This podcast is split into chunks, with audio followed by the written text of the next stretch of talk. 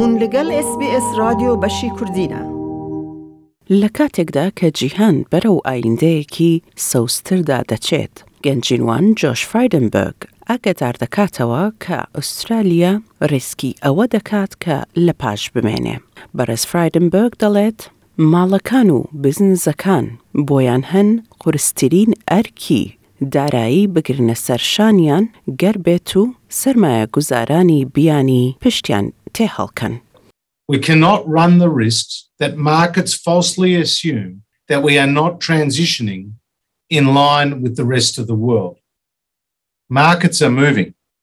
as governments, regulators, central banks and investors are preparing for a lower emissions future.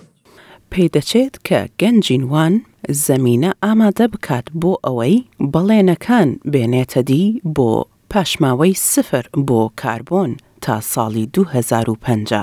هاوکات سکۆت مۆریسن سەرۆکی وەزیران، بە جۆرێک زمانی خۆی نەرمتر کردۆتەوە سەبارەت بە کێشەی گۆڕانی کلیما لە ئەم کاتانەدا کە گوشاری نێودەوڵەتی زیاد دەکات، بەڵام لە کاتێکدا کە هەموو چاوەکان لە سەر سەردانی ئەوە لە واشنگتن، بەڕێز مۆرسن ڕەتی کردوتەوە If Australia had made such a decision, I would have announced it.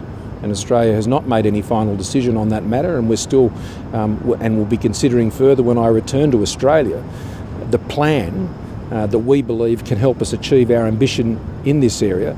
I've already said at the start of this year that it's Australia's ambition uh, to move toward to achieve net zero as soon as possible and preferably by 2050. مەزنترین ڕێگر پارتی ناشنڵز بووە لە کاتێکدا کە جوداڕەوی زۆر هەیە لە نێوان خۆیاندا کە وەک بەشێکی بچووکتری کوالسیۆن بوونەتە هۆکاری ڕێبەستی لە ئەو پرۆسەیە. کریس بۆون وتەبێژی پارتی لەیبەر کار bo gorani klima. Dalet Australia bedwa kawtua lesser asti Jihan. Well, the main roadblock is the government itself, and I don't care whether it's the National Party, whether it's Conservative Liberals, I don't care who's blocking the commitment to net zero by 2050, it's the government. We are the only developed country in the world not committed to net zero by 2050. If Scott Morrison and Josh Frydenberg really think that net zero is such a good idea, why don't they get on and do it? I mean, enough speeches,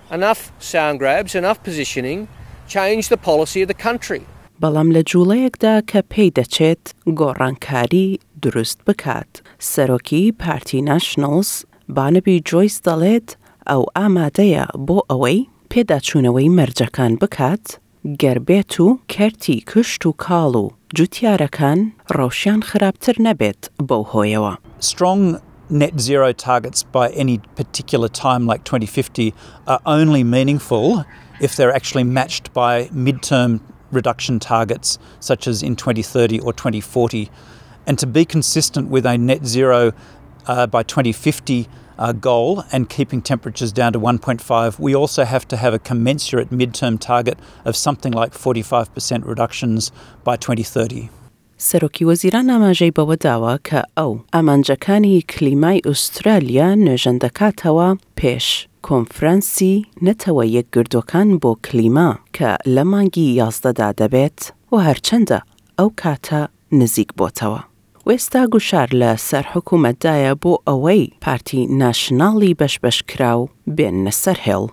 لە کاتێکدا کە ئوسترالیا تاوتوێی ئامانجەکانی کلیما دەکات بۆ ناوەڕاستی ئەم سەدەیە، جێیەکانی تری جیهان تاوتوێی بەدی هێنانی ئەو ئامانجانە دەکەن بۆ ساڵی دوو هەزار و سی.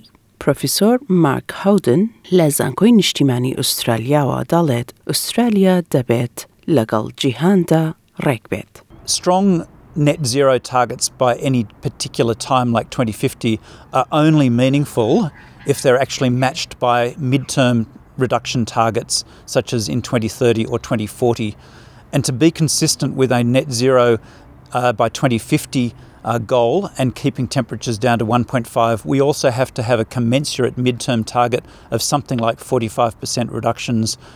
by twenty thirty.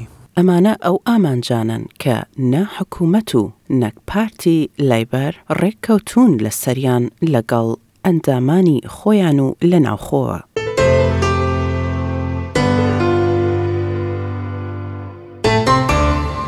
بارزان گوێتان گرت لە ڕاپۆرتێکی هەواڵی ئێس بی ئێس کە لەلایەن شوبا کریشنان و ئاریانا لوسێنتە ئامادەکرابوو.